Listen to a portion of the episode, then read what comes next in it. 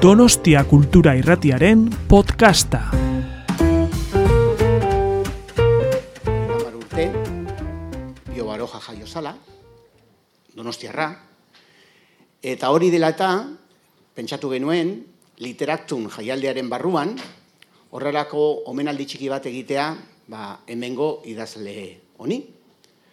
Eta horretarako, hiru gonbidatu dauzkagu, bata da Joaquin Ziaurriz, eh? beak antolatu du hor kanpoan daukagun erakusketa, eta bere ondoan ditugu Soledad Puertolas eta Luis Antonio de Villena. Beak, biak idazleak dira, baina barojaren inguruan hitz egin dute eta gaina liburu txiki bat egin dute. Bueno, decía que en el Festival Literactum no nos podíamos olvidar del 150 aniversario del nacimiento de un escritor donostiarra, Pío Baroja, y entonces bueno, nos pusimos en contacto con Joaquín Tiaurriz, que tiene una exposición que es el que ha organizado. La familia de Baroja es menos barojiana que barojiana absoluta.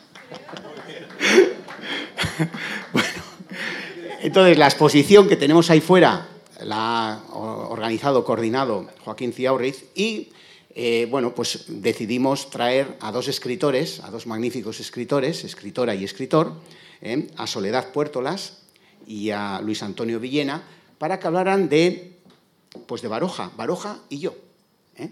Y eso va a ser la conferencia. Al final de la, de la charla, pues tendréis oportunidad de realizar alguna pregunta y bueno, y disfrutemos de, estos tres invitados que tenemos hoy aquí. Escarri Casco.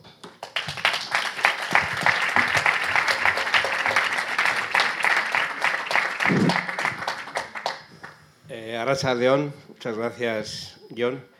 Eh, bueno, lo primero, agradecer la asistencia de todos vosotros, también en especial al concejal de Cultura, John Inchausti, eh, al director de, al director de, de Donostia Cultura, Jaime Otamendi, y por supuesto a ti, Arancha, que fuiste la primera que, que creyó en esta historia. ¿no?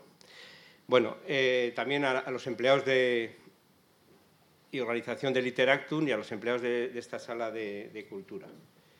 Bien, eh, bueno, hoy estamos aquí con, con dos autores de prestigio. Eh, eh, Soledad Puertolas, que, ha venido un poco como especialista en la prosa de Baroja, y Luis Antonio eh, de Villena, que es poeta y que también hablará de otra parte de, la literatura de Baroja, que es la poesía que sí, puede resultar un poco extraño que, que Baroja hiciese poesía, pero en realidad la hizo y luego hablaremos de ello y también de la prosa lírica que también escribió. Eh, entonces, bueno, voy a empezar por Soledad. Soledad, como sabéis, es una gran escritora, eh, estudió periodismo eh, en, en Madrid, en- perdón, en Zaragoza. Ella es aragonesa, aunque también de sangre navarra, mm, sangre navarra de la pura, no, no de la navarra fanática ni de... ni- ni- y bueno, son personajes que salen en, en las obras de Baroja la Navarra fanática, Fermina la Navarra, que son eh, unas mujeres un poco violentas. Pues Soledad no, efectivamente es una mujer tranquila, que nació en Zaragoza, que tiene la medalla de oro de, de su ciudad y que bueno, ha recibido muchos premios, el premio Anagrama eh, de ensayo, el premio Planeta, eh, acaba de recibir también el, el premio Liber, que se lo ha concedido la- el gremio de, de editores de, de editores y, y- y- y libreros, ¿no? Creo que es exactamente, sí. Españoles Pre- iberoamericanos. Eso es, españoles iberoamericanos, el premio Liber. Eh, ha escrito, como he dicho, bastantes libros y ensayos, han traducido a muchos idiomas sus libros y recientemente acaba de publicar uno que se llama Cuarteto.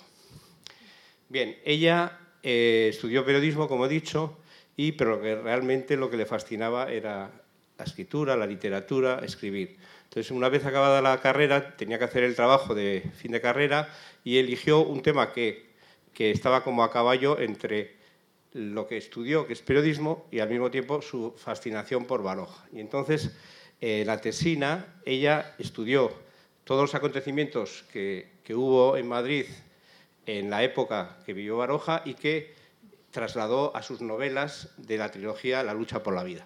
Entonces, eh, de esa tesina salió un libro que lo editó la editorial Helios, que se llamó El Madrid de la lucha por la vida.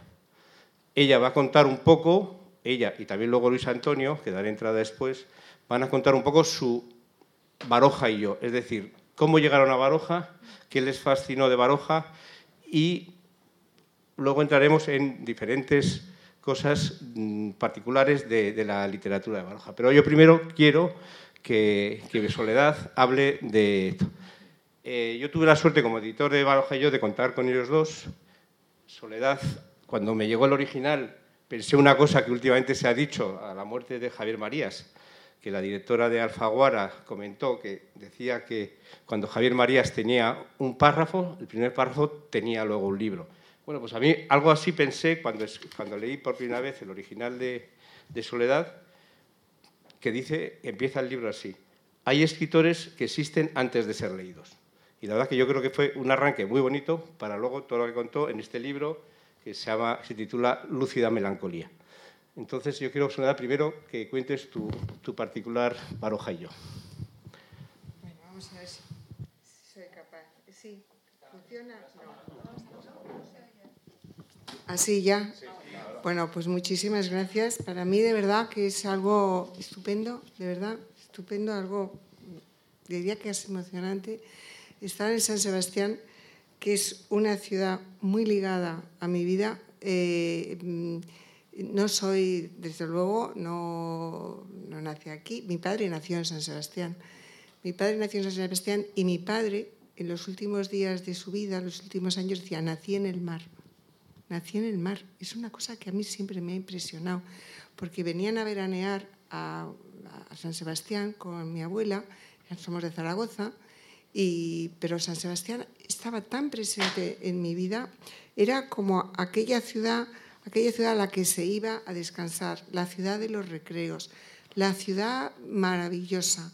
O sea, era como, como el colmo, ¿no? Entonces, para mí ha sido muy mítica San Sebastián. Entonces, estar aquí en San Sebastián esta tarde hablando de Baroja, de verdad que tiene para mí un, un significado tremendo porque Baroja, mm, como bien ha dicho Joaquín, mm, está muy presente en mi vida antes de leerlo. Yo soy, por parte de, padre de Zaragoza, con esta curiosidad de que nació en San Sebastián, en el mar. nació en el mar. Y mi madre es de Pamplona. Entonces, eh, eh, como bien sabéis, pues Pío Baroja eh, en un momento dado compró una casa en Vera de Vidasoa, ¿no? Entonces teníamos un abuelo que no se sabía de quién era abuelo, si mío o de una prima o de alguien, pero el abuelo Tiburcio, que también tenía una casa en, en Vera. Entonces, como yo oía hablar que nosotros teníamos una casa al lado de la de los Baroja, entonces, pero claro, no la teníamos, nos había cogido, por lo visto había ido a caer a otra rama familiar. Entonces, Baroja era algo que se hablaba en mi casa, se hablaba en mi casa de Baroja, era como alguien que estaba allí, era mm, como un personaje, como un antepasado, en cierto modo, ¿no? luego pues estaba esta cosa extraña de que mm, mi familia muy de derechas, hay que decirlo, pero, eh, sin embargo, Baroja pues parecía que, que no, que por, todos los signos que yo veía era pues, anticlerical a tope, antitaurino ya total, es decir, era lo contrario a lo que era el espíritu nacional de aquel momento. Todo esto me desconcertaba muchísimo, ya desde pequeña me desconcertaba. Digo, mira qué familia más curiosa tengo, que, que dicen por un lado como, como todo mm, eh, debe de ser como, como nos dicen, pero luego tienen esta debilidad por Baroja. Entonces, y que se fue, y que se atravesó andando eh, eh, con la guerra civil, en el momento de estallar la guerra civil, atravesó andando la frontera hacia Francia, luego volvió, pero ese momento de que atravesara la frontera hacia Francia andando, que yo creo que es un episodio que yo no he explorado, pero que debe de estar investigado, parece ser que intervino también un tío mío.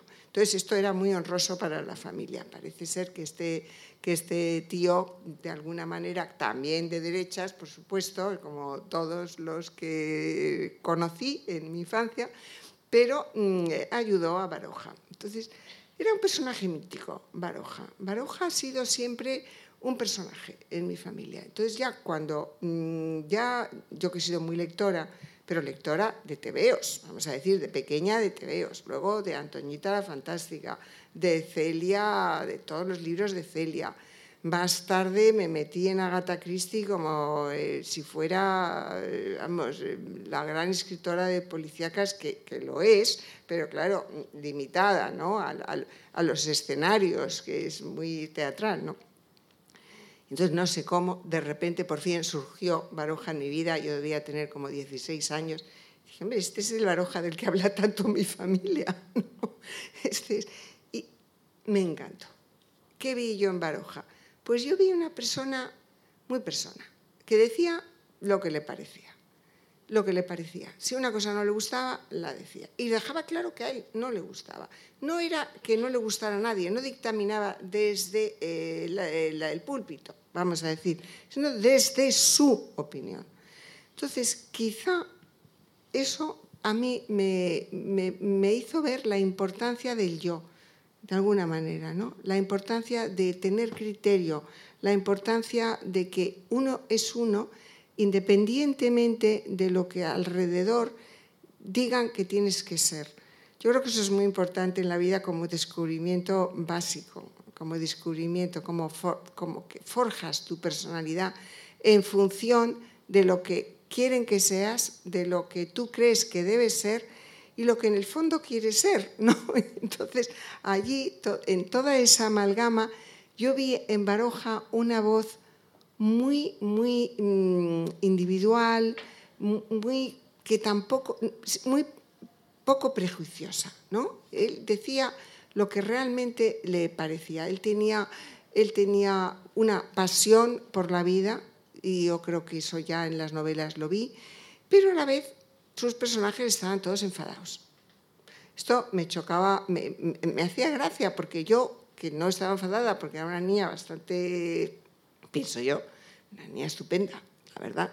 Pero bueno, aparte, una niña que no causaba grandes problemas, quiero decir, no he sido una niña rebelde ni nada de esto. Yo veía yo qué suerte tienen mis padres de tener una, una niña como yo, pensaba, ¿no? Luego vi que no, luego mis padres ya comprendieron que, ni yo, y yo misma comprendí que no, no era así, pero de pequeña sí que pensaba eso. Entonces, cuando mmm, yo veía a esta a Baroja ya eh, que decía lo que quería, y digo, pues es que hay que decir lo que se piensa, es que hay que decir lo que se piensa, es que es importantísimo el, buscar esa voz propia, buscar esa manera de estar en la vida, eh, esa manera de que no nos importe tanto lo que dicen los demás. Y, y a mí eso mm, me, hizo, me hizo mucho bien, Baroja. Le debo mucho a Baroja en ese sentido. Entonces leí una tras otra las novelas de Baroja y a partir de allí me sentí en deuda con él permanente. Ese es un poco como mi encuentro con Baroja. Sí, muy bien, lo cuentas perfectamente en el libro, que luego seguiremos con, con tu libro Lucida Melancolía. Bueno, yo quiero dar entrada a Luis Antonio.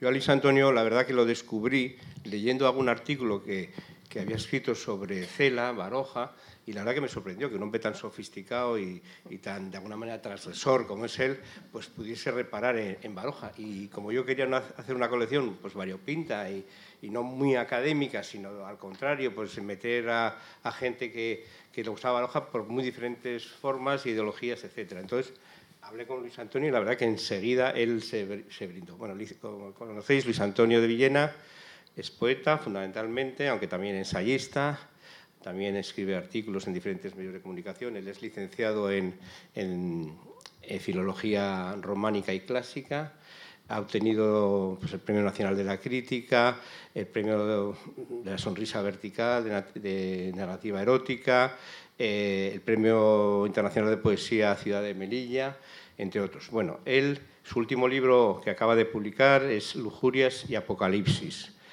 Y también ha hecho, ha, se acaba de, re, de editar una recopilación de toda su poesía que por lo que he leído en algún sitio, que pesa un kilo. Me la ha quitado de la esto, pero lo iba a decir porque que se llama... Porque era tan incómodo esos dos enormes volúmenes preciosos, preciosos, yo los puse en la báscula de baño.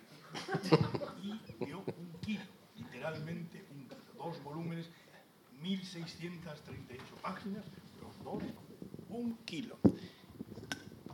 Sí, efectivamente eso es lo que iba a decir. Es porque- muy difícil, c'est très difficile porter ces deux volumes, mais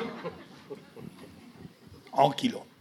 Bueno. Y lleno de significación, no baladí. Bien, Luis Antonio, Oh. ese libro que, que pesa un kilo, esa recopilación de toda su poesía Pero se un llama... kilo valioso, no un kilo baladí, un kilo pesante, ejerciente de kilo. No un kilo cualquiera, sino un kilo auténtico. Un kilo super- Porque hay kilos, superlativo. kilos que valen y kilos que no. Hay kilo sobrante y hay kilo necesario. Este es un kilo necesario. Algunos tienen un kilo sobrante. Sí. La belleza impura Tenemos, se titula. ¿eh? Y, y, bueno, pues eh, reúne toda la obra poética escrita por, por Luis Antonio. Bueno, entonces, como digo, yo lo descubrí a través de, de algún, de algún artículo que había escrito y, eh, bueno, de alguna manera, lo fiché. Y me llamó mucho la atención porque empleaba, mm, para valorar a Baroja positivamente, empleaba un, par de palabras muy, curiosas, que él lo que decía es que a él de Baroja lo que le gustaba precisamente es lo que no le gustaba a, alguno de los, eh, digamos, no académicos, porque Soledad es académica, pero sí la gente un poco de la doctrina, digamos, más estricta. Y entonces empleaba dos, dos términos que me, me chocaron, que se llama desgalichamiento y prosa desflecada. Entonces a mí me gustaría que él ahora entre con su Baroja y yo y que explique un poco por el qué decía... desgalichamiento. ¿Eh? El desgalichamiento. Sí, desgalichamiento, decías tú, desgalichamiento. Bueno, yo no sé si es una... Desgalichamiento. Sí, eso yo no sé si a lo mejor es una palabra muy madrileña, no lo sé si eh, Soledad sabe más. Si esa es una palabra que está en el diccionario, ¿no? Desgalichado. Desgalichado, sí, supongo que sí. Pero era una palabra, se empleaba para el vestir, ¿no? Es decir, una persona que iba así como, bueno, ahora todos vamos mal vestidos, todos vamos desgalichados.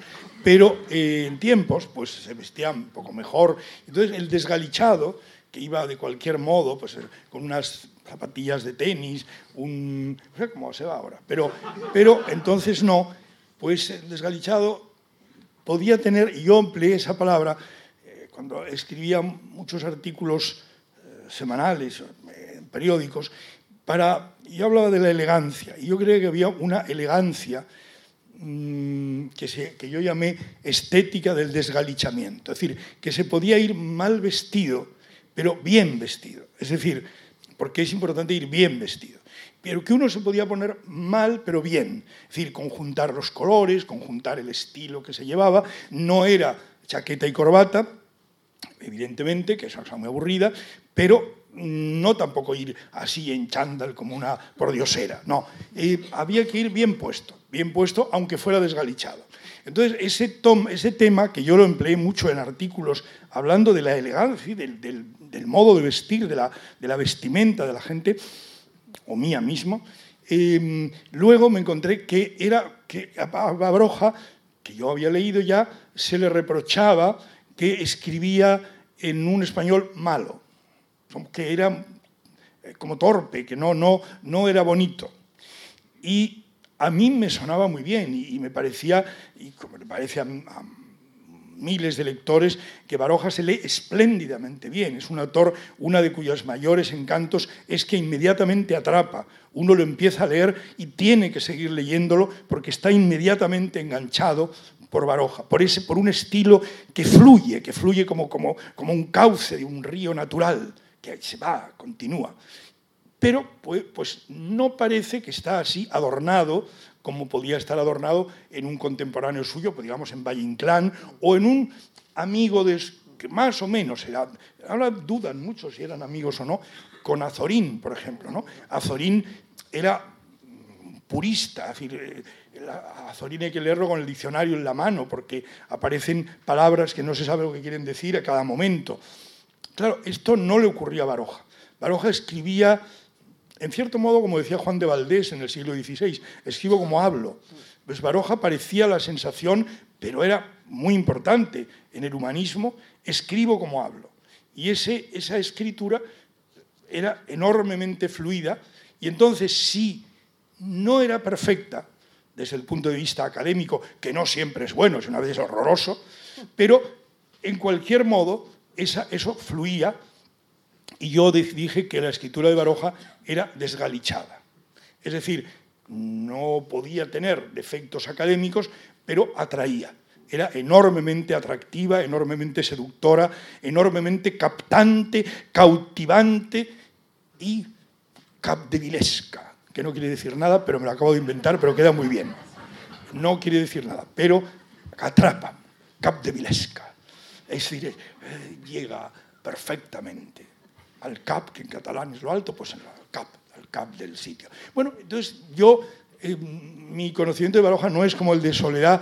En mi familia no había, pues eran lectores normal, pero no, no vi nunca Baroja. Pero a mí me llegó porque entonces, eh, incluso en el franquismo, los planes de estudio, hay que decirlo, eran mejores que actualmente pero no que actualmente ahora, sino que actualmente hace montones de tiempo, porque los planes de estudio se han ido deteriorando a marchas forzadas. Por todos, la derecha, la izquierda, ahí han entrado todos. No tiene uno la culpa, sino todos. Pero, de manera que se han quitado asignaturas que para mí eran estupendas, como el griego, el latín, pues también literatura. Pero, claro, cuando yo estaba todavía en el final del bachillerato, pues ya salía Baroja. Baroja era un y a Baroja había que leerlo. Es decir, había un curso final del bachillerato justo antes de la universidad, que en ese momento se llamaba preuniversitario, PREU, y en ese curso que había, había unas lecturas obligatorias. Y yo ahí lo cuento en el libro, creo que es la primera vez, teniendo 16, 15, 16 años, que leí una novela de Baroja porque estaba en el programa de estudios. Es decir, no porque a mí se me ocurrió leerla, sino porque estaba obligado a leer la novela, que era La Busca. Pero se me confunde, de ahí debe ser muy importante La Busca, porque cuando luego ya estaba en la universidad, y ahí sí, era ya haciendo románicas en literatura hispánica, Baroja era un gran nombre, pues entonces ahí sí había que leer La Busca. Y además había que hacer un trabajo. Entonces yo recuerdo que mi primera gran lectura de Baroja entre el bachillerato y la universidad fue La Busca, que probablemente leí dos veces en ese momento, y en la, en la final del, de ya en la universidad hice un trabajo sobre La Busca, que es una novela estupenda. Tenía un profesor em, navarro, eh, Francisco Indurain, que era un hombre muy agradable y yo me llevaba muy bien con él, y este es el que nos metió en lo de la busca, ¿no? Y, él hacía mucho hincapié, que luego a mí me gustó, porque yo he sido muy noctámbulo y, he vivido esa vida de alguna manera, de esa manera totalmente. Y eh, lo que cuenta en La Busca hay una escena final en el, cual hay una sección, un sentido eh, social, ¿no? de, de, de, ver la injusticia de, los, de las clases eh, menesterosas. Entonces hay, hay una escena final en que los obreros de amanecida, ¿no? Al inicio del día los obreros se levantan y van a trabajar, entonces van recorriendo las calles porque van al trabajo, pobres, agobiados por la necesidad y el horror de la vida cotidiana, como decía eh, el gran poeta francés em, que seguía tanto a Eliot, ¿cómo se llama? El poeta que tanto Eliot, que tiene un verso estupendo que decía, ah, que la vie quotidienne, que cotidiana es la vida, es decir, que horrorosa lo cotidiano es horroroso. Entonces, bueno, esos obreros que iban a trabajar se encuentran con los señoritos. Los señoritos no van a trabajar, van a dormir. Pero vienen de la, vienen de la fiesta, de la noche, de la crápula, mm, del meretricio. Y eso es el final de la escena de Baroja, de la, de la busca. Y entonces eso nos lo, no sé por qué, nos lo hacía notar mucho Indurain. Vean esta escena que marca mucho eso, dos mundos, evidentemente dos mundos muy separados, y a mí me ocurrió una cosa extraña. Yo tenía simpatía por los dos mundos, lo cual debe ser mm, condenable totalmente, debe ser el purgatorio como mínimo. ¿Por qué? Porque a mí yo sentía compasión por esos obreros eh, que viven una vida mala, que tienen que luchar con la vida, que tienen que esforzarse en condiciones calamitosas, que merecen toda la ayuda del mundo. Y también sentía una enorme simpatía por los señoritos. que se pasaban muy bien y volvían a casa a dormir de madrugada, y como yo hice poco después, pues ya no tenía mala conciencia, pero porque yo procuraba en el camino ayudar al obrero. Es decir, yo le invitaba a un obrero a, desayunar, eso tranquilizaba mi conciencia y me iba luego a dormir. Y bueno, y claro, el problema es que yo luego trabajaba por la tarde. Lo que no trabajaba es por la mañana, me parecía de muy mal gusto, pero trabajaba por la tarde y trabajaba mucho. Bueno, y empezó con la busca el placer de Baroja, porque yo no soy especialista en Baroja ni soy nada de Baroja, más que un, una persona que siempre que ha leído a Baroja, y esto es así, ¿eh? literalmente, siempre que he leído a Baroja me ha cautivado. Es decir, he empezado a leer un libro, una novela de Baroja, y no he podido parar. He seguido porque tiene una admirable fluidez. Y eso pues, hombre, evidentemente, en un escritor que escribió tanto, hay novelas mejores y novelas peores, pero siempre tienen una facilidad narrativa estupenda. Y luego cuando empecé a ver al personaje, incluso ahí por donde había vivido en Madrid al final de su vida, una zona nobilísima, arriba del el casón del Buen Retiro y donde está la academia, todo eso, ese, ese arriba del Prado, una zona nobilísima. Baroja podría ser el duque de Baroja, porque es como, como elegantísimo. Todo ese, y bueno, y ahí dije, pero este hombre, qué, bien. Y en, alpargatas, qué bonito, ¿no? En alpargatas mmm, menesterosas, alpargatas esas de paño, que yo he usado también por barojiano. Alpargatas de paño y con la boina, con la boina, no sé si era no era chapela, porque la chapela es más grande, con una boina. Y, y así, como de cualquier modo, mmm, así triste, triste y, y muy libérrimo, ¿no? Muy libérrimo por dentro. Entonces también el personaje, si ya me había cautivado el Baroja escritor, me terminó cautivando también el personaje de Baroja. Y lo que Joaquín leyó mío como inicial de Baroja, que ya era muy tardío, es que una vez me enteré que eh, Camilo José Cela, a quien yo conocía personalmente, y que no era tan bruto como parecía, pero se hacía bruto si veía público. Es decir, en intimidad era encantador. Esto sé que parece imposible, pero en intimidad era encantador y sabía mucho, pero en cuanto aparecía público, algo más que yo, eh, yo intento hacer un poco le geste, pero él se ponía brutal, tenía que empezar a decir palabrotas y soeces, cosas soeces. Pero parece ser que en los últimos años de Baroja, Cela fue un visitante habitual de Baroja y de hecho, y eso me sorprendió, porque no lo, había, lo supe muy tarde, es uno de los que llevó el ataúd de Baroja.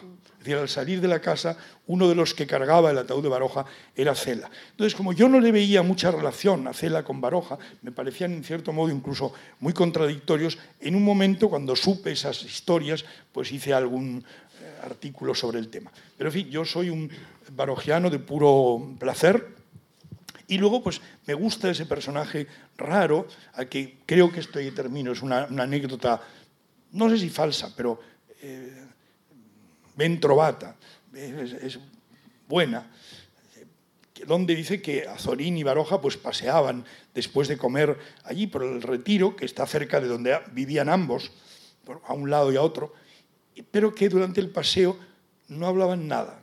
Los dos iban con las manos hacia atrás, paseaban entre los árboles, las estatuas, y al final, cuando ya salían, decía, eh, buenas tardes, Baroja, buenas tardes, Azorín, hasta mañana y eso era todo. Y a mí me parecía que era, como eso era terrible, ¿no? Un amigo íntimo con el que solo dices buenas tardes hasta mañana, pero al mismo tiempo tenía algo sutil, sobre todo por la parte de Azorín, que era medio mudo.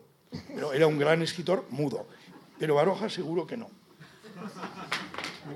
Bueno, eh, este libro que ha mencionado, que sí que hemos leído muchos en el bachillerato, que era La Busca, al igual que El Árbol de la Ciencia, eh, Soledad hizo la tesina, como hemos dicho, sobre el Madrid de la lucha por la vida. Entonces me gustaría un poco que hablase de ese trabajo que hizo, del conocimiento que tiene de esa parte del Madrid que describió también Baroja y sobre todo de los personajes barojianos, porque tú en el libro hablas eh, muy profusamente de, de, los personajes de las novelas de Baroja, cómo son los personajes, por un lado los hombres, las mujeres, Tú hablas de que las mujeres son unas mujeres melancólicas, los hombres un poco brutos. Me gustaría que, entrases en, esa dinámica, para luego entrar en un tema que es muy injusto con Baroja, que es lo de la misoginia. Pero eso iremos después, porque ella también en el libro es una fiel defensora de todo lo contrario.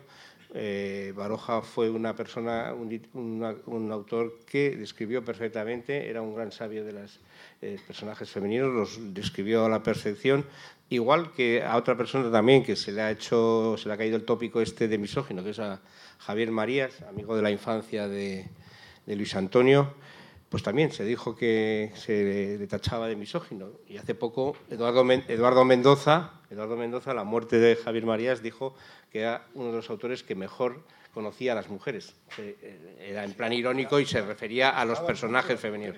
Bueno, pues abajo, desgraciadamente, ese tópico sigue eh, en esta colección, tanto Soledad como alguna otra autora lo ha rechazado por completo y a mí me gustaría que te que trases un poco con, con, ese Madrid de la lucha por la vida y en concreto con esa descripción de personajes masculinos y femeninos que hace Baroja.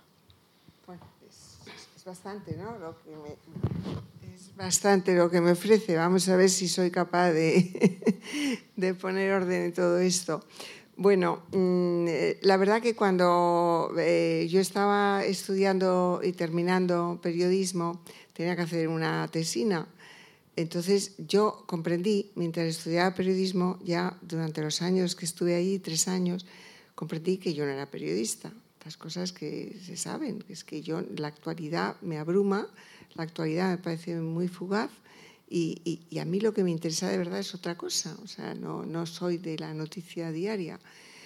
Entonces, pues pensé que de qué voy a hacer la tesis. Yo como era tan lectora de Baroja, que había sido más, eh, en ese momento, eh, pues ya los tenía un poquito más apartado, pero en fin, lo, había sido recientemente una gran lectora de Baroja, pensé, bueno, pues a ver si mm, eh, consigo que eh, los eh, tribunal o los que se dedicaban a decir que sí y que no a la tesis me mm, hago sobre Baroja y el periodismo de la época y ver de qué manera Baroja recoge la realidad en sus novelas. Yo tengo que decir que esto está en contra de mis principios literarios, porque yo, mis principios literarios son que la realidad de una novela es la realidad de la novela no, la realidad que describe eh, si es fiel o no a la realidad. Yo creo que una novela se sostiene por su propia realidad y eso lo voy a defender hasta que me muera, hasta la tumba.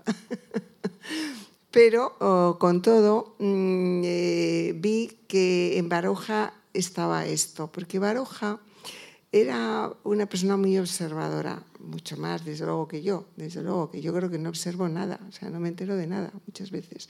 O voy a un sitio y, digo, pero ¿y qué? Me fijo unas cosas rarísimas, o sea, que no, no es esa observación mm, eh, pues más mm, de estampa o costumbrista, no, la verdad, no, no sé qué pensar de mí misma, ya lo dejo. Pero el, el caso de Baroja sí, él, él se fija él se fija en, los ambientes, él es muy buen observador. Entonces, en su caso, está clarísimo que él sí quiere trasladar esa realidad a sus novelas, sí la quiere trasladar. Lo que pasa es que la quiere trasladar desde su punto de vista. Quiere hacer unos personajes que opinen por él sobre esa realidad. Él tampoco opina, deja a los personajes que opinen, porque eso es muy barogiano el que se enzarcen sus personajes en discusiones sobre, mm, sobre las filosofías y sobre la realidad social y sobre las ideologías. Hay eh, discusiones sobre las ideologías en Baroja que son apasionantes y, graciosas a la vez, porque al ponerlas en boca de los personajes, pues se toma la licencia de no ser muy serio, porque las conversaciones que se tienen de, de bar, pues son mm, bastante esquemáticas y uno dice lo que se le pasa por la cabeza.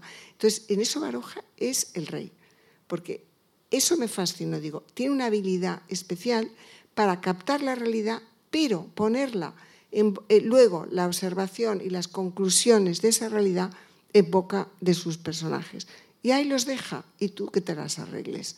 ¿No? Por ejemplo, pues dice cosas así, la humanidad, qué asco. Bueno, ya está, nos quedamos, pues nos quedamos con eso, la humanidad. Pero lo dice un personaje, él no lo dice. ¿no? Entonces, esto es la humanidad, o sea, tiene muchas veces la palabra humanidad siempre en un sentido pues mm, de, decir no es lo que debería de ser. Como esto está salpicada la hora de Baroja. Entonces, la, busca me proporcionó toda la trilogía de la lucha por la vida.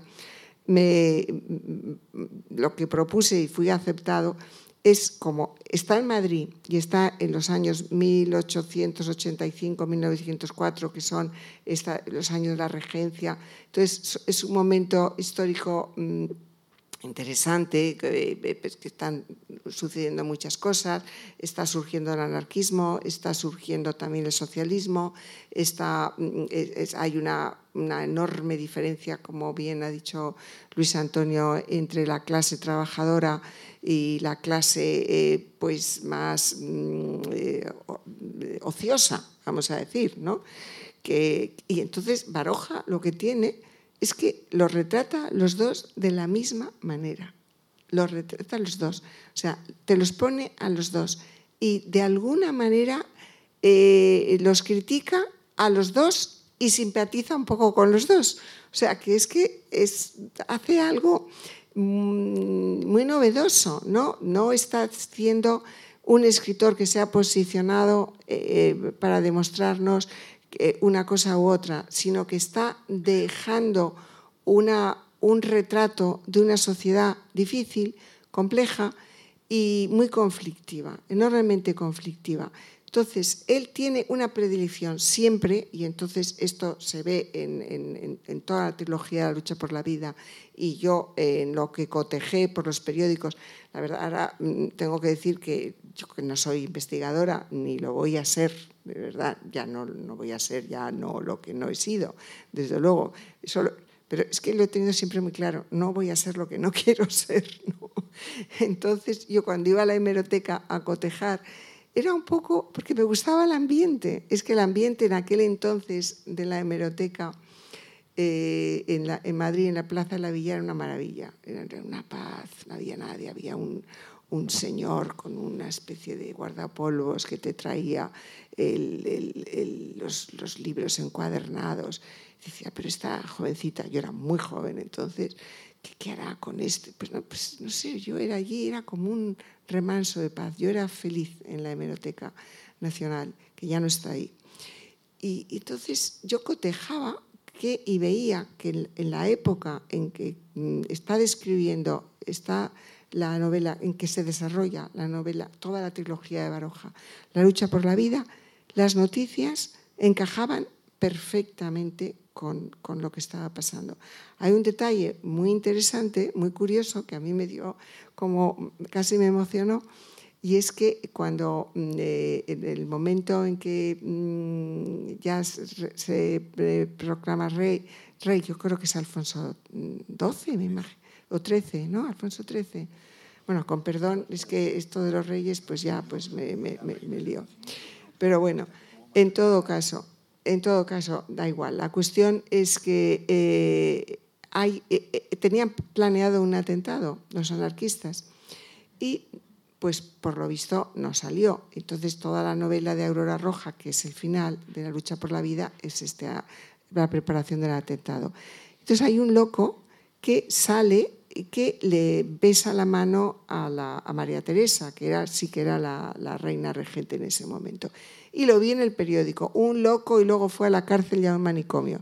Yo es que casi me caigo de espaldas, ¿no? Digo, qué maravilla, estoy loco. Es el loco de, que, de, ese día de la novela de Baroja, ¿no? O sea, que esas coincidencias, que él estaba tan interesado en describir la realidad, pero a la vez describirla, juzgarla, pero juzgarla desde, diversos puntos de vista y ofrecerla de una forma amena. Entonces eso fue lo que me fascinó y por fortuna pues me dejaron hacer en la tesina y bueno, pues, pues, pues muy bien. Y a partir de allí, claro, yo seguí leyendo a Baroja. Entonces, ¿qué hay de los personajes de Baroja? Los personajes de Baroja eh, están muy enfadados, están muy enfadados. Y además tienen mucha razón, porque verdaderamente el mundo que, por lo que dicen ellos, ese mundo, mm, el mundo de la novela, lo, que les toca a ellos, pues la verdad es para enfadarse. O sea, que lo que les toca, la parte que les toca, pues, pues tienen muchas razones. Hay una diferencia para mí entre, y yo creo que está, ¿eh? entre los hombres y las mujeres.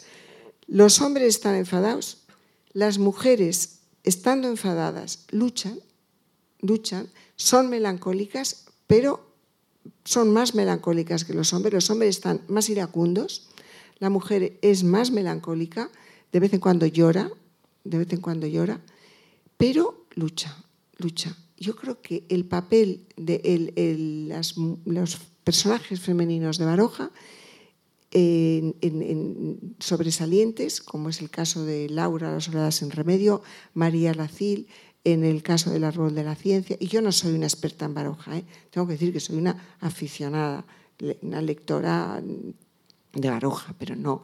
De todas formas, yo desconfío bastante, pese a todo esto, de los, de las, de las académicos en el sentido más, más mm, sesudo de la palabra.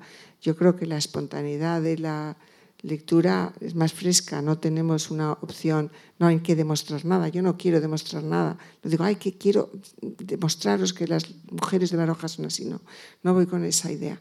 Pero sin embargo me he encontrado que las, las mujeres de Baroja salen para adelante, incluso salen para adelante y tiran de sus maridos, de sus padres, de sus hermanos, o sea, son mujeres muy melancólicas, menos iracundas, menos iracundas y menos malhumoradas que los, que los personajes masculinos, pero mm, eh, luchan, luchan. Y, nunca, nunca hacen hincapié, y eso es muy curioso, en sus condiciones de desigualdad. Lo asumen eh, y eso, vamos a ver, eh, por un lado te choca, pero por otro lado lo que ves son mujeres que no están dispuestas a hacer de su causa una causa colectiva, quieren hacer una causa individual, que eso es muy barogiano, eso es muy barogiano. Es decir, yo tengo un problema, lo voy a resolver. Bueno, vale, ya veremos si yo, todas otras personas de mi clase o de mi, mm, parecidas a mí lo tienen, y, es compasivo y lo entiende, pero valora muchísimo la actitud del individuo. Quizá yo creo que es el escritor español que más ha valorado la fuerza individual. Y bueno, yo creo que es algo de lo que hoy por hoy estamos necesitados. Y yo creo que siempre vamos a estar necesitados de esa fuerza individual, porque yo creo que estamos viviendo en general una sociedad donde prima siempre lo colectivo. Y, es así, y es así, porque es normal, yo lo comprendo, porque eh, es importantísimo lo colectivo, pero no olvidemos, no olvidemos que cada uno somos responsables de nuestra vida, ¿no? Y eso nos lo recuerda Baroja, y con las mujeres de una forma muy especial y con un respeto infinito. Muy bien, entonces, en conclusión, de cara a la pregunta que te he hecho yo, ¿tú crees que tiene algo de misógino desde la, lectura de Baroja? ¿Tiene algo de misógino o todo lo contrario? Bueno, es que, es que las categorías, yo soy contraria a las categorías, a no ser que sea una cosa clara. No, no es misógino. Tampoco es todo lo contrario. Es un escritor. Es un escritor que respeta a sus personajes, tanto los hombres como las mujeres. No está a favor de las mujeres. Él, en las memorias muchas veces explicó que a él lo que le gustaba en realidad es estar rodeado de mujeres. Bueno, él decía que no iba a una reunión donde no hubiera mujeres, pero yo también lo digo, ¿eh? Yo también lo digo. Yo quiero que haya mujeres allá donde voy. ¿Por qué? Pues porque todo hombre no puede ser, pero también si solo fuera mujer, ya, ¿por qué no traemos a un hombre? Yo tengo una tertulia en Galicia, que es donde paso ahora mucho tiempo, y somos muchas mujeres. Y decimos, no, no, los hombres pueden venir, no se atreven, pero oye, que vengan, que vengan, encantada. Y aquí, por cierto, por cierto, que me he fijado una cosa, que lo voy a decir porque me ha llamado la atención y, lo agradezco, hay mucho hombre en, esta, eh, en este público. Hay bastante hombre, lo cual eh, dice que, dicen, la literatura, cosa de mujeres. Bueno, pues yo aquí veo, bueno, no, vamos a hacer un recuento que es una lata y además odio las estadísticas, salen por donde pueden, no, no hay por qué, pero veo bastante, bastante cabeza, cabeza masculina, ¿eh? Veo bastante cabeza. A los hombres en general mm, les da miedo las mujeres. Esto está, bueno, ya lo dijo Freud, lo de la vagina dentada y todo eso, ¿no? Pero sin llegar a Freud, la vagina dentada, al hombre en general le da un poco de miedo a las mujeres.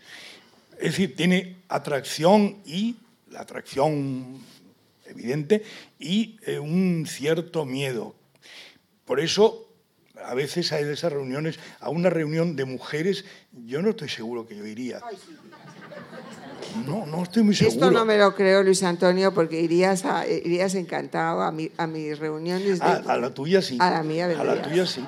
A la tuya sin duda, pues es gran amiga. Pero así una reunión de mujeres desconocidas, no, sí he ido, he ido, he ido. Pero eh, no, lo que yo quería decir es que en Baroja dice muchas veces, eso sí lo recuerdo, como cuando le hablan de mujeres porque era soltero y porque no había tenido amantes o novias o femme de joie, mujeres de placer. Entonces, él decía que porque no se lo podía permitir, porque era caro, porque era caro. O sea, casarse era caro, cosa que es posible que sea verdad.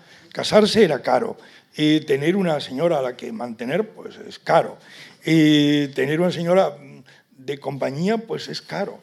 Y eh, esto no lo digo yo, lo digo Baroja. Yo, yo estoy en otra historia. Pero lo dice Baroja.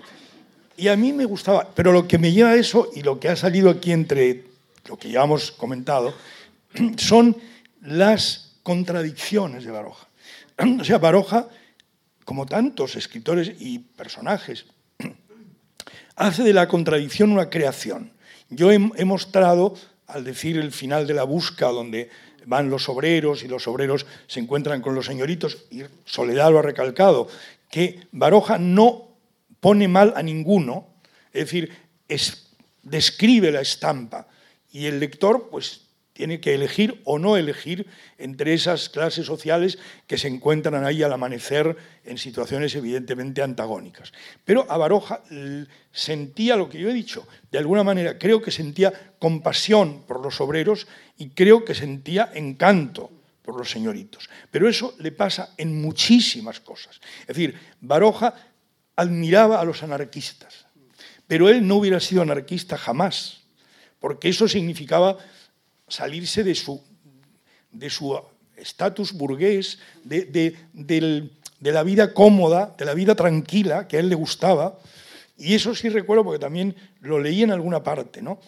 que Baroja estando en Roma, está en un hotel, supongo que no iba a hoteles de lujo, sino hoteles normalitos, y en ese hotel parece que hubo una noche una cierta gresca, eh, probablemente nada especial, pues no sé, unos eh, que se hospedaban allí, que se pegaron, y hubo ruido, y hubo, pues no sé, a lo mejor un herido, un herido, en fin, algo que trastornó la vida del hotel, la vida tranquila, como debe ser la vida de un hotel, la vida tranquila. Entonces, al día siguiente, Baroja, autor de Zalacaín el aventurero y de tantas mm, historias de, personajes mm, que son aventureros, que son arriesgados, que se juegan la vida, que se juegan el tipo continuamente, cosa que Baroja no haría jamás, él se mudó de hotel. Es decir, ese hotel no era bueno porque había mucho ruido y había gente que molestaba porque eran, porque eran pendencieros. Entonces él se cambia de hotel a un hotel absolutamente tranquilo que se pueda tricotar fácilmente. Yo eso pues también lo entendí. Es decir, la fascinación. O sea, yo, a mí me fascina un pirata, por ejemplo. Veo un pirata, parece, me parece maravilloso un pirata. Con la, anarquista con la bandera de la, tibia y la calavera, em, que está más allá del orden, eh, que cena con bandejas con, robadas, con, con, vajillas de oro robadas y las tira al mar y los mejores vinos y hay chicas o chicos que sirven para todo. Pero yo ahora yo lo haría, yo me iría en un barco a la isla de Tortuga, en medio del sol del Caribe. Pues creo que no porque necesito sombrilla, tengo que dormir bien por la noche, tengo que estar cómodo, mm, tengo que ducharme por la mañana. ¿Cómo voy a ir a la isla de Tortuga? Bueno, la isla de Tortuga sería, me, echarían por inútil, por, por, por tontaina, lo que hace este pobre hombre aquí. Y sin embargo, me fascina la isla de Tortuga, los piratas en Tortuga. la libertad no se busca, la libertad se gana. Entonces, efectivamente, sabemos que Baroja tuvo trato con anarquistas. En el caso que se le hizo problemático con Mateo Morral, el que tiró la bomba en la boda de Alfonso XIII, resulta que ese hombre, que evidentemente era un, un presunto asesino porque había querido matar y había tirado una bomba, Baroja lo, lo trató un poco, lo trató. Y eso, pues, por la policía investigó tanto a, a, Pío como a su hermano Ricardo. Es decir, los, pero Barojas le interesaba el anarquismo. Pero él hubiera sido anarquista, yo creo que no. No quiero porque, porque no tenía ese temperamento. A él le gustaba la tranquilidad, es decir, le gustaba el orden. Y esta es una de las causas que a su vez lleva al tema también de la guerra civil.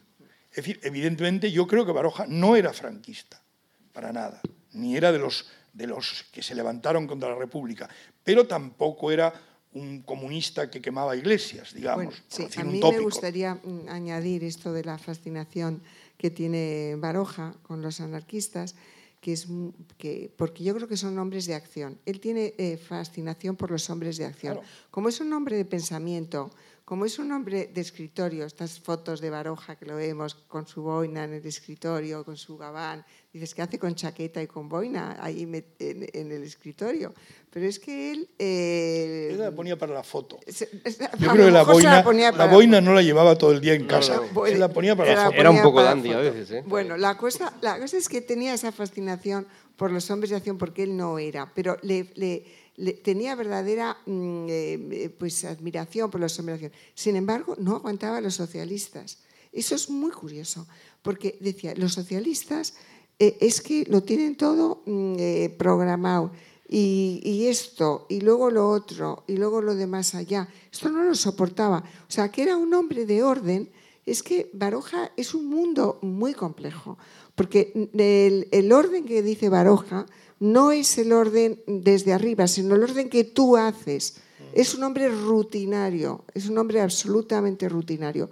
Pero el orden que le ponen desde fuera no lo aguanta, es antidogmático. Y desde luego todos los personajes que aparecen en la busca, que aparecen los anarquistas a quienes admira, a quien mm, eh, trata con respeto, porque trata con respeto en el fondo a todos, es a los socialistas. No lo soporta, que trabajan en una imprenta son muy meticulosos, son muy fríos, los pone como muy fríos. Y a, lo mejor ponen cosas prohibidas, porque dentro hay cosas prohibidas por la derecha y hay cosas prohibidas por la izquierda. No le importa. Y, los socialistas, históricamente, entonces hablaba Pablo Iglesias, por ejemplo, pues eh, había, había como en el, como Lenin, eh, en el comunismo soviético, está lleno de prohibiciones está lleno de prohibiciones. Eso es lo que Baroja no quería. Es decir, si estaba en contra de las prohibiciones de la derecha, también estaba en contra de las prohibiciones de la izquierda, que las hay. Las había y las hay. Entonces, ese volvemos a esa idea del personaje contradictorio. Es decir, del señor que está que le gusta una cosa y también la otra, que necesita tranquilidad, pero como tú has dicho muy bien, tiene pues está la Caín el aventurero, Memorias de un hombre de acción, todo, todo está lleno de personajes que, se juegan el tipo, los últimos románticos. Otro caso, por ejemplo, los bohemios. Los bohemios que fueron tan, que fue tan notable en el Madrid del final del siglo XIX, principios del XX. Baroja estaba muy encantado con los bohemios, los, los quería conocer a todos, los conoció a todos pero luego no los pone muy bien. ¿Por qué no los pone muy bien? Porque resulta que la actitud del bohemio le parece muy bonita, pero luego de repente se encontraba a Pedro Luis de Gálvez, que era un personaje tremebundo, pues salía huyendo, porque Pedro Luis de Gálvez, una de las cosas que hacía para, para dar el sablazo, como se decía, ¿no? Es para sacar dinero, en un momento dado llevó, se dice que llevó a, un, niño muerto, a su hijo muerto de, tres meses, lo llevaba en un ataúd pequeñito, blanco, y lo llevaba pidiendo dinero para, el niño. Pues esa, escena patética ¿no? y terrible, evidentemente a Baroja no le gustaba, pero la idea del bohemio, de la persona que, que quiere vivir del arte, que tiene sueños, que afronta la realidad de la vida como si la vida fuera un arte y que quiere vivir artísticamente, incluso a la contra, lo que le lleva a ser pobre, a tener que, pero al mismo tiempo eh, noctámbulo y, borracho y que va a, las, a los burdeles, todo eso le gusta mucho y al mismo tiempo no lo comparte. Le gusta y no lo comparte, igual que, la, que el hombre de acción. Sí, y es lo que pasa en, la, en toda la trilogía de lo de la ciudad de la niebla, que no sé si es la raza, creo que se llama la trilogía, que es la de que decía antes de María Aracil, que su padre es anarquista, que estaba, estaba eh, ligado a, Mateo Morral, y es ella, la, la hija, la que eh, es muy crítica con, con su padre, porque su padre es el típico anarquista, pero luego es un señorito y que no hace nada por ganarse la vida, nada. Y entonces es ella la que va a Londres, es una mujer que trabaja, que busque, sepamos, en las fábricas, que sea, ella hace lo que sea para tirar para adelante de su padre y de su familia. O sea, decir, que yo creo que eso es muy novedoso en este país nuestro, porque es un país muy maniqueo. Es un país que eh, eh, Baroja corta corta con mucho la tradición de Galdós, que Galdós, desde luego, mm, lo tiene clarísimo. Los, progresistas son los buenos y, la, y toda la carcundia, como dice él, los reaccionarios son los malos, pero ya casi para matarlos, porque son insoportables. Entonces, eh, Clarín es bastante, es súper maniqueo también, ¿no? Buenísimos, son buenísimos escritores, pero Baroja corta completamente con la tradición del maniqueo. Pero fíjate, ¿tú crees que, es un favor que le debemos? sin duda, ¿no? Pero yo creo que no corta por una ideología, corta por un sentimiento, por, un sentimiento vital. Es decir, el sentimiento vital de él le lleva a no ponerse de un lado ni de otro. Yo por eso mi libro se titulaba Un anarquista de derechas, que de nuevo es una contradicción los anarquistas no son de derechas. pero, los anarquistas son anarquistas. Claro, son anarquistas. pero, ¿qué quiere decir? Que a Baroja, que le tentaba el anarquismo, es decir, que le, titula, que le tentaba el desorden, un cierto tipo de desorden, él era ordenado. tú lo has dicho muy bien, era consuetudinario, es decir, lo que le gustaba es hacer lo mismo cada día. Es decir, eso es el orden hacer todos los días lo mismo, tener una rutina. Ese elemento rutinario de Baroja, que en él fue muy importante, tan importante que sin duda eso es lo que le dio, lo que le posibilitó escribir mucho. Si Baroja tiene una obra enorme es porque era constante, porque trabajaba todos los días. Sin constancia no hubiera escrito ni la mitad. Entonces, ese elemento em, que es de orden se da de bruces con, el, con la atracción que él siente continuamente por el desorden. Y a ese orden se le puede llamar de derechas, que es luego lo que se ve en la guerra. Es decir, es un señor que no está con unos ni está con otros, lo cual, lo que se llamó la Tercera España, eh, o se ha querido llamar la Tercera España, es un, era un tema que no que, que, era dificilísimo solventarlo. Es decir, cómo se podía decir que no era franquista, pero que tampoco era eh, de la República en armas. Tengo que cortar un poco porque ya vamos con el tiempo un poco justo y yo quería también que, eh, que tú, Luis Antonio, de una forma un poco más moderada, hablases de la poesía de la poesía de, de Baroja, que es, que es una parte... moderado, me dejas, me dejas fatal, que van a pensar estos señores de me dice moderado. Ay, por favor, perdónenme de moderación. Pero si soy moderado ahora, no quiero decir como soy. Moderado, me refiero moderado en el tiempo. Entonces, ah. como tenemos que hablar, como tenemos que hablar de otra cosa, de otra parte de la obra de Baroja, que es la poesía, que es una, una parte que no todo el mundo conoce y que tú en tu libro valoras muy bien. También lo han hecho otros autores, pues, por ejemplo, como otros autores de la colección, como Andrés Trapiello, eh, lo hizo en su día Emanuel Machado, el hermano de Antonio. A mí me gustaría que hables de este libro, el único libro que existe de Baroja sobre poesía, que, que se llama Canciones del Suburbio, que lo escribió en 1944, cuando ya tenía bastante edad, y contra toda la lógica, porque normalmente los poetas, salvo tú, que tú mantienes y has hecho un libro de un kilo, pues normalmente los, eh, los escritores en, un inicio son más poetas y luego eh, se pasan más a la prosa. Pero bueno, Baroja escribió este libro, que es como decía Azorín en el, en el prólogo, es una continuidad a la obra de Baroja, porque de hecho habla de muchas cosas que le han pasado en París, en Pamplona, el, el famoso eh, cortejo al patíbulo de Toribio Guía, en fin, él habla de muchas cosas, pero lo, hace en poesía. habla, habla, de su mundo, Eso los poemas, que son muchos romances, habla de su mundo y, digamos, si se quiere analizar ese libro, Canción del Suburbio, publicado en 1944, que por cierto, perdón, se, ha vuelto ahora a reeditar por la esta canónica de cátedra. Bueno, ese libro, si, se, si nos ponemos un poco profesorales, es un libro que entra de lo que, dentro de lo que se llama posmodernismo. Es decir, el modernismo fue llamativo, exuberante, pero luego tuvo una etapa donde, siguiendo el modernismo, se rebajaban los sones, eh, se quedaba una especie de literatura de poesía prosaica, voluntariamente prosaica. Entonces, ese mundo voluntariamente prosaico, hablado en una lengua mucho más coloquial, pero con poesía rimada, es decir, que seguía muchos elementos del modernismo, pero que los había rebajado. Ese ingrediente, claro, le gustaba mucho a Manuel Machado. Manuel Machado es uno de los que hizo grandes poemas, no Antonio, Manuel, es uno de los que hizo grandes poemas posmodernistas, a partir, por ejemplo, de, del Mal Poema, un libro de 1909 que inicia el posmodernismo de alguna manera y mucha poesía contemporánea. Baroja, en realidad, uno lee ese libro y dice, este libro hubiera tenido un éxito enorme si Baroja lo publica, pongamos, en 1912 o en 1914, que lo podía haber hecho y prácticamente igual. A excepción, vemos que es real porque hay algunos poemas porque otros tratan de su mundo de siempre, que podía haber pasado 20 años antes o 30 años antes.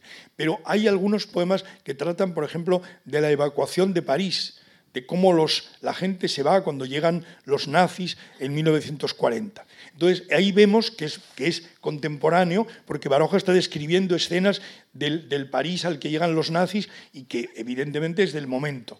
Pero lo demás parece pues, el mundo del fin de siglo o del principio del siglo XX, que era su mundo, el mundo de los bohemios, el mundo de los cafetines de barrio, el mundo de los cafés, de, cafés eh, de, artistas, el mundo de la, un poco de la farándula, el mundo un poco también prostibulario, aparece todo eso. Y aparece contado en romances al, al, tono postmodernista, es decir, es una estrofa tradicional, él sigue esa estrofa tradicional, hay por tanto rimas asonantes en este caso, pero lo que habla es de su propio mundo. A mí, lo que me, a mí me parece un muy buen libro. Lo que pasa es que tendría dos, diríamos, problemas a priori. Eh, uno, ¿por qué lo hizo tan tarde? Es decir, ¿por qué ese libro llega en 1900, digamos, 48 es donde se publica? Pongamos que está escrito desde el 38 al 42. ¿Sabes lo que dijo, no? Que sentó muy mal a, a todos los poetas consagrados. Dijo, que lo hizo por aburrimiento. Bueno, estaba en París y entonces pues no tenía pues otra cosa que hacer y hizo la poesía. ¿Cuántas veces los poetas consagrados, imagínate cómo reaccionaron. de hecho, fue un libro durante mucho tiempo muy poco valorado. Claro, pero, pero yo creo que aparte de eso, que era una salida y, que está muy bien, porque a veces uno hace cosas porque se aburre y está bien, pero el, el problema principal es que es ese estilo que él hace y lo hace muy bien, y el, libro se lee muy bien, pero ¿por qué lo hizo tan tarde? Porque ese libro, insisto, en 1914 hubiera sido un libro perfecto, hubiera sido un, un puntal del posmodernismo. Pero claro, en 1944 eso ya estaba hecho, esa es la verdad. Es decir, eso ya se había hecho, no era nuevo. Vuelve la contradicción, no era nuevo, pero era barogiano. Es decir, ese estilo en absoluto era nuevo, era la tradición del posmodernismo que Baroja asume y lo mueve muy bien. ¿Cuál es la originalidad? No el estilo ni el mundo del posmodernismo, sino el tono propio de Baroja, la aparición en verso del mundo de Baroja, la recuperación del romance tradicional como modo expresivo en poesía. O sea, a mí me parece que el libro está muy bien, es un, es un logro. Lo único es, bueno, quizá porque se aburría y se le dedicó a hacer romances, que es, que es una estrofa muy fácil para hacer, digo por si alguno se anima. En cuanto se coge, en cuanto se coge el tranquillo del romance, sale solo, sale solo, nada más fácil que hacer un romance, con rimas asonantes. Bueno, pues quizá lo hizo, pero claro, era Baroja, le salió su mundo y le salió quizá que no creo que Baroja fuera gran experto en poesía, fíjate, esto, esto es una cosa mía, pero yo creo que Baroja no había leído mucha poesía. Entonces, ¿qué le sale en poesía? Pues no le salen los poetas modernos de la época, es decir, no le sale Cernuda, ni le sale Alexandre, ni le sale Lorca, ni le sale Huidobro, no, le salen los de la época de su juventud, o sea, los de la época quizá hasta la Belle Époque, le salen ese mundo que es el mundo del modernismo y ya el mundo del posmodernismo mucho más prosaico. Es decir, hace un libro prosaico propio de, de alguien que, es que tiene un mundo personal enorme, que es un excelente escritor y que no está al tanto de la poesía del momento, lo cual no es malo, pero, pero, es, pero es. Bueno, por ir acabando, eh, hay otra parte de la literatura de Baroja que es la prosa lírica. Es una cosa que igual mucha gente que siempre la asocia con un escritor más tosco, eh, sin estilo, pero en realidad cuando empezó a escribir y a editar el primer libro, que fue Vidas Sombrías, en 1900, él tiene una serie de cuentos, de, muchos de ellos de temática vasca, que yo les animo, a, si no los conocen, a, leerlos que son, por ejemplo, Maribelcha. Es un, libro, es un cuento precioso que está contenido en Vidas Sombrías. Y, luego lo pasó también a otro libro que es Fantasías Vascas y finalmente una señora me ha enseñado hace poco una edición que se ha hecho de cuentos vascos. Más o menos son los, los mismos cuentos que, escribió y editaron en, su primer libro, que fue Vidas Sombrías.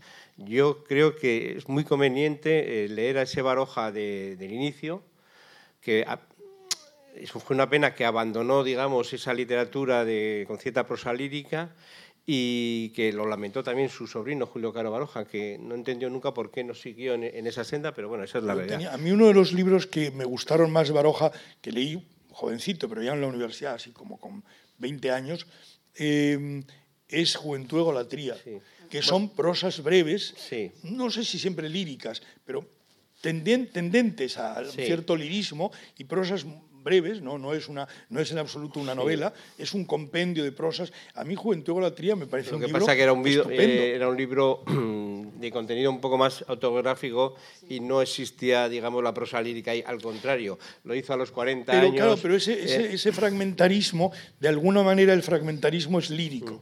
Es decir, la prosa, la novela, modernamente, a partir de los años 30, se han hecho novelas fragmentarias, pero en, origen, pues has mencionado a Galdós, a Galdós no se le puede imaginar uno fragmentario. Entonces, la idea del fragmento, que es algo constitutivo de la modernidad, de la modernidad en la prosa también, ese, ese fragmentarismo, Baroja lo hace en Juventud y Golatría, que es un libro, en cierto modo, muy moderno. Sí, bueno, muchas citas de... A mí es un libro que siempre me ha gustado mucho, desde los primeros que leí, en, la exposición veréis muchas, podéis leer muchas citas de, esa, escogidas de ese, libro. Bien, yo para terminar, pues, eh, había traído una cosa que no sé si igual lo han podido oír en, YouTube, porque también está, que hablando de esta prosa lírica, hay un texto que a mí me parece mm, precioso, que se llama Elogio sentimental del acordeón. Este es un, texto que lírico que lo introdujo en, un libro que no venía a cuento, en Parados Rey, pero que podemos oírlo porque él lo grabó para el archivo de la memoria y lo iremos aquí a continuación. Antes de dar paso a las preguntas que quieren hacer, lo vamos a oír en un audio y, con su propia voz, que es también una parte interesante porque veréis la voz grave y modulada que, que tenía. Nicolás, cuando quieras. Elogio sentimental del acordeón. ¿No habéis visto algún domingo al caer de la tarde, en cualquier puertecillo abandonado del Cantábrico, sobre la cubierta de un negro quechemarín o en la borda de un patache, tres o cuatro hombres de boina que escuchan inmóviles las notas que un grumete arranca de un viejo acordeón? Yo no sé por qué, pero esas melodías sentimentales, repetidas hasta el infinito, al anochecer, en el mar, ante el horizonte sin límites, producen una tristeza solemne. A veces el viejo instrumento tiene paradas sobre alientos de asmático, a veces la media voz de un marinero le acompaña, a veces también la ola que sube por las gradas de la escalera del muelle y que se retira después murmurando con estruendo, oculta las notas del acordeón y de la voz humana, pero luego aparece nuevamente y sigue llenando con sus giros vulgares y sus vueltas conocidas el silencio de la tarde del día de fiesta, apacible y triste. Y mientras el señorío del pueblo torna del paseo, mientras los mozos campesinos terminan el partido de pelota, y más animado está el baile en la plaza, y más llenas de gente las tabernas y las hidrerías, mientras en las callejuelas negruzcas por la humedad comienzan a brillar debajo de los aleros salientes las cansadas lámparas eléctricas, y pasan las viejas envueltas en sus mantones al rosario o a la novena, en el negro quechemarín, en el patache cargado de cemento, sigue el acordeón lanzando sus notas tristes, sus melodías lentas, conocidas y vulgares, en el aire silencioso del anochecer. Oh la enorme tristeza de la voz cascada, de la voz mortecina que sale del pulmón de ese plebeyo, de ese poco romántico instrumento. Es una voz que dice algo monótono como la misma vida, algo que no es gallardo ni aristocrático ni antiguo, algo que no es extraordinario ni grande, sino pequeño y vulgar como los trabajos y los dolores cotidianos de la existencia. Oh la extraña poesía de las cosas vulgares, esa voz humilde que aburre, que cansa, que fastidia al principio, revela poco a poco los secretos que oculta entre sus notas, se clarea, se transparenta y en ella se traslucen las miserias del vivir de los rudos marineros, de los infelices pescadores, las penalidades de los que luchan en el mar y en la tierra con la vela y con la máquina, las amarguras de todos los hombres uniformados con el traje azul sufrido y pobre del trabajo. Oh modestos acordeones, simpáticos acordeones, vosotros no contáis grandes mentiras poéticas como la fastuosa guitarra, vosotros no inventáis leyendas pastoriles como la zampoña o la gaita, vosotros no llenáis de humo la cabeza de los hombres como las estridentes cornetas o los bélicos tambores. Vosotros sois de vuestra época, humildes, sinceros, dulcemente plebeyos, quizá ridículamente plebeyos, pero vosotros decís de la vida lo que quizá la vida es en realidad, una melodía vulgar, monótona, ramplona, ante el horizonte ilimitado. Qué bonito, ¿no? Bueno, pues, Yo no, yo no había oído nunca la voz de Baroja. Es la primera vez que la oigo. No lo había, no la había oído. Bueno, el archivo de la Tiene una voz memoria- estupenda, ¿eh? El archivo de la memoria reúne eh, eh, muchas grabaciones de, de literatos. Una de la- voz de muy la- buena. de la época. la- eh, Con, un- con, con, con un poquito de acento vasco, claramente, ¿no? sí, se nota- bueno, hay alguien, Nicolás me ha dicho que, que se nota mucho que, que vivió en Navarra, pero no sé, yo no, yo no lo ¿eh? Sí. Bueno, pues vamos a pasar al, al turno de, de preguntas.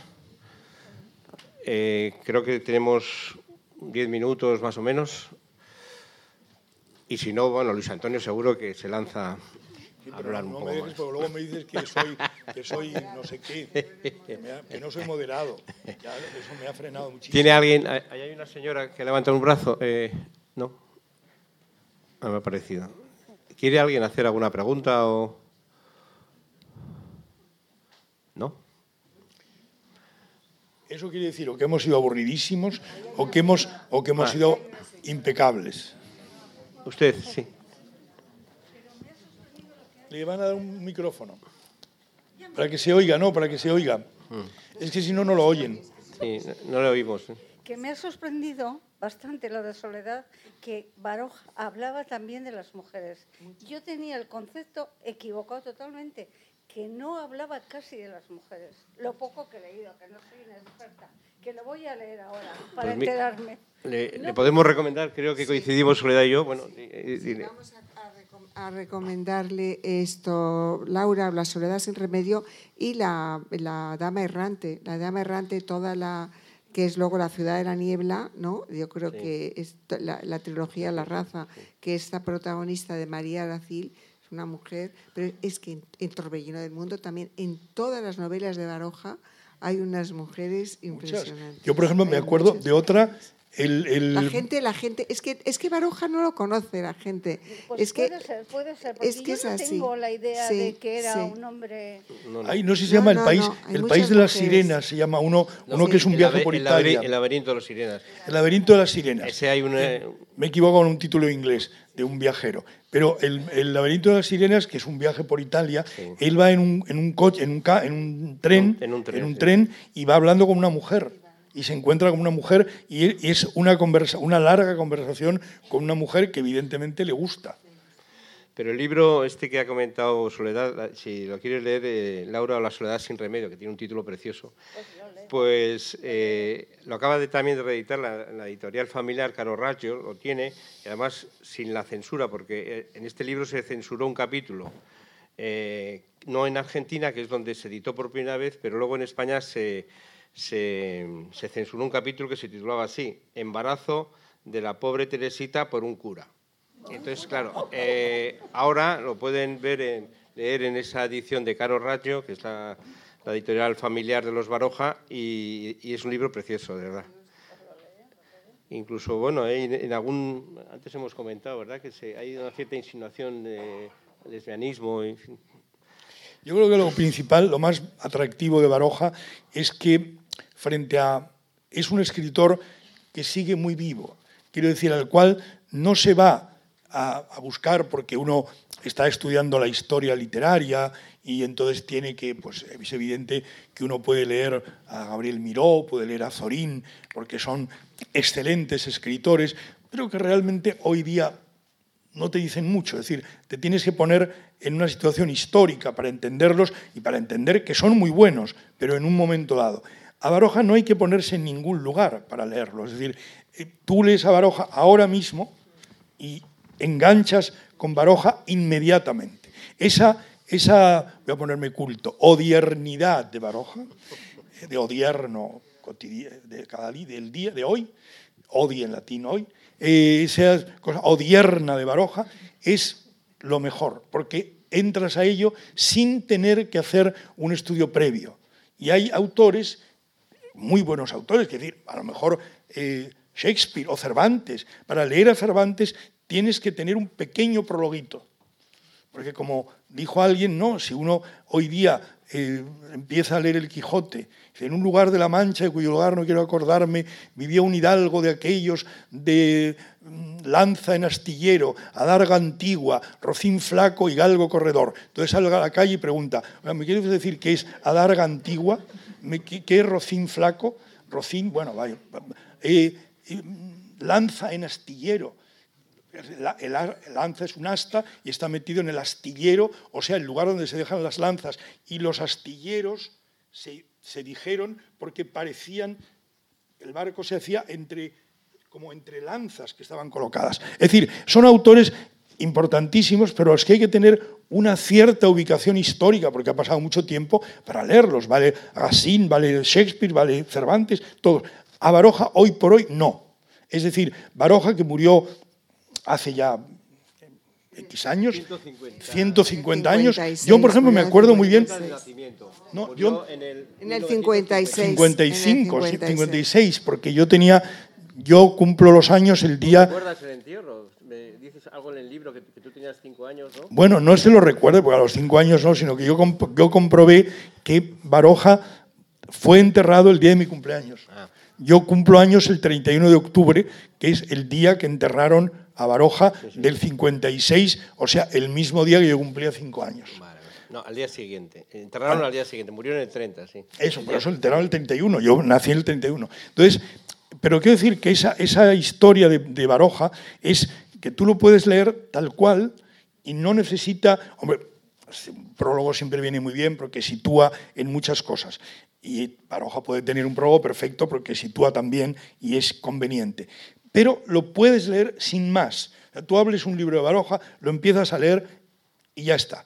Y, funciona, funciona plenamente. Esa modernidad, de eso es una gran modernidad de Baroja, que, se, ha saltado un poco el tiempo y, que no necesita un corsé académico que hasta lo digo en el sentido positivo en esta vez. Es decir, ese, esa historia de decir, bueno, hay que entender la época para entender a Baroja. Hombre, pues sí, eh, estamos viendo en todo lo que hemos dicho que hay cosas que se entiende mejor a Baroja conociendo la época, las turbulencias y los tantos malos momentos de la época, o buenos.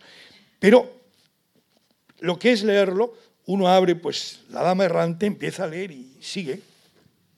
A mí me gustaría, antes de que levantáramos acta, eh, eh, dis- discrepar un poco con Luis Antonio. Eh, Supongo que a él le gusta que discrepe, o sea que no hay ningún problema. Por supuesto. Por supuesto.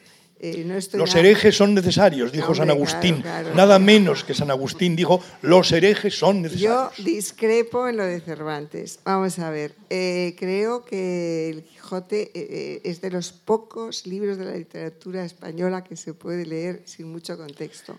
Porque es un libro que tiene ya, incluso cuando lo has leído, yo pensaba, pues tiene un tono legendario, ¿no? Lanzan astillero, no sé qué, pues te lo imaginas. Es como una leyenda el, el comienzo. Tiene un tono tan envolvente, tan envolvente, y da igual, porque eh, el Quijote no tiene ninguna referencia histórica de la época. No, Es- un loco. No, bueno, es un loco, eh, pero es un loco, es, es muy actual. O sea que yo en eso discrepo No, y pero no yo- me quedaría no, tranquila no discrepas. Si, no, si no lo dijera. No si discrepas, lo mi querida. Eh, sí, yo- sí, discrepo, discrepo. No, no, no. creo que porque tu discurso yo de ingreso de la acuerdo- academia fue- Yo estoy de acuerdo en eso, es decir, El Quijote es un libro fabuloso que no se puede leer de niño, se necesita ser un poquito adulto para leerlo, pero lo que sí digo es que hay, digamos, palabras, palabras, un vocabulario de época que a veces hay que mirar en las notas a pie de página. No, no, no, jamás las notas a pie de página, no. Bueno, discrepo. A lo mejor, bien, Déjame discrepas, discrepar. discrepas porque eres, oh, ¿quién lo diría? Ya lo acabo de entender. Eres poeta. Entonces Sí. te dejas llevar por el sonido de las palabras, No, sin nada. atender el significado, Para porque nada. no me digas que todo el mundo sabe Nada, lo que es nada, una darga. nada, nada. Discrepo totalmente de lo que ¿Quién dices. sabe lo que es una darga? A ver, No. ya, No, es que lo acabo no, de decir. no, ¿Qué es que- una darga? Nada. Soledad, tu discurso de, de ingreso ¿qué en la academia creo que fue Sí, del Sí, Quijote, pero da ¿no? igual. Bueno, da igual lo del discurso. Yo lo que lo único que quiero decir, cada cual tiene su manera de leer. Yo creo que para mí el Quijote es muy actual y, y tengo que decirlo. eh, Tengo que decirlo Claro porque que si no, no me quedo tranquila. Claro, pero está es muy bien, pero claro, es lo luego mismo- Estoy muy contenta. Uno- uno Espera, con- déjame hablar Ay, un poco, Luis. Antonio. que es- tengo una habitación Seré preciosa. veo el mar. mujer.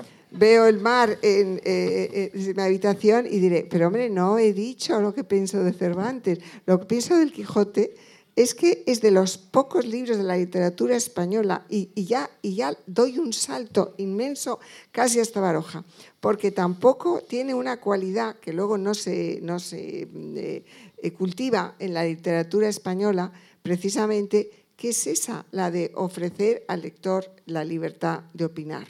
Y entonces me parece que esa mm, impresionante capacidad de, que tiene Cervantes de ofrecer al lector la, la oportunidad de opinar si es cuerdo o no cuerdo, eso es lo que lo hace moderno. Claro, Da eso- igual lo de las lanzan astillero, Pero, lo- no pero pasa Soledad, de eso, nada. estamos, de eso estamos totalmente de acuerdo. La modernidad Bueno, de bueno, Cervantes bueno, es enorme y la descubrieron además los ingleses. Quiero decir, el Cervantes, donde, donde más ha influido es en Inglaterra. Hay grandes libros ingleses como el Tristan Shandy, que es una imitación del Quijote y es uno de los grandes libros ingleses. Bueno, eh, yo estoy de acuerdo en esa modernidad, plenamente. Hablábamos de vocabulario y se podía decir de Rubén Darío. A ver, aquello que decía Lorca, a mí me gusta mucho que púberes canéforas te ofrenden el acanto. A mí me encanta, pero como decía Lorca, so- no, yo sí entiendo porque he estudiado griego, pero quien no ha estudiado griego puede decir que púberes canéforas te ofrenden el acanto. Solo entiendo qué. Porque son púberes canéforas. Te ofrenden, vale. Bueno, es que hay un, hay un, sen- hay un sentido musical No, de las no, no, palabras que vale mucho. Claro que vale mucho, pero que vale mucho. estoy- el Quijote no es eso. No, no metamos el Quijote en eso. No, ¿eh? no está en eso, porque, No tiene, está mu- en porque eso. tiene mucho más contenido. Hombre, pero hay hombre. alguna palabra que, No digamos, en su momento se usaba y ahora no, porque No, eso es no, no. pura Bueno. historia. Palabras que Rubén se Darío. usaban en el siglo XVI finales y ahora ya no se usan. Yo sí las uso porque me gusta mucho sorprender. Entonces, generalmente le diga, digo, no me vengas con esa adarga. No me interesa tu adarga. Vuélvela al astillero. Mira qué bonito. Pero es, es una petulancia. ¿Qué es petulancia? ¿Qué es petulancia? ¿Qué es un petulante? Pues era un soldado romano.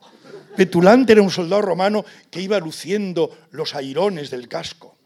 O sea, las plumas. Es que, en fin, mira, Baroja es estupendo, Cervantes es estupendo y eh, eh, Stern, Stern y San Sebastián, una ciudad magnífica, donde yo venía de niño y me parece maravillosa. Y eh, bueno, ahora lo que más me gusta es que nos han puesto en un hotel donde se ve la concha y el mar. Y yo he pensado, que lo diga Soledad, yo he pensado venirme a vivir. porque era muy elegante. En mi época era muy elegante vivir en un hotel. Yo quisiera vivir que venirme a vivir al Hotel Niza, a una habitación del Hotel Niza, quedarme ahí a vivir en el Hotel Niza, en, una habitación del Hotel Niza. En esto no discrepo. ¿Ves? Ya hicimos las paces. No discrepo en absoluto. Eh, vivir en el Hotel Niza, por favor. Conseguir acompáñenme. si me vienen en el Hotel Niza, pues eh, mira, se ha venido. Mira, eh, lo que es, la conclusión es que si, para ejemplo, de no petulancia, que es un poco lo que, lo que queremos resaltar aquí, Baroja. Sí. Es el hombre y el escritor menos petulante de la literatura española. Así que. Exacto, pero como era contradictorio, tiene la petulancia de la impetulancia. No es petulante. Bueno, me hacen señas que tenemos que acabar. Muchas gracias. Hasta otra.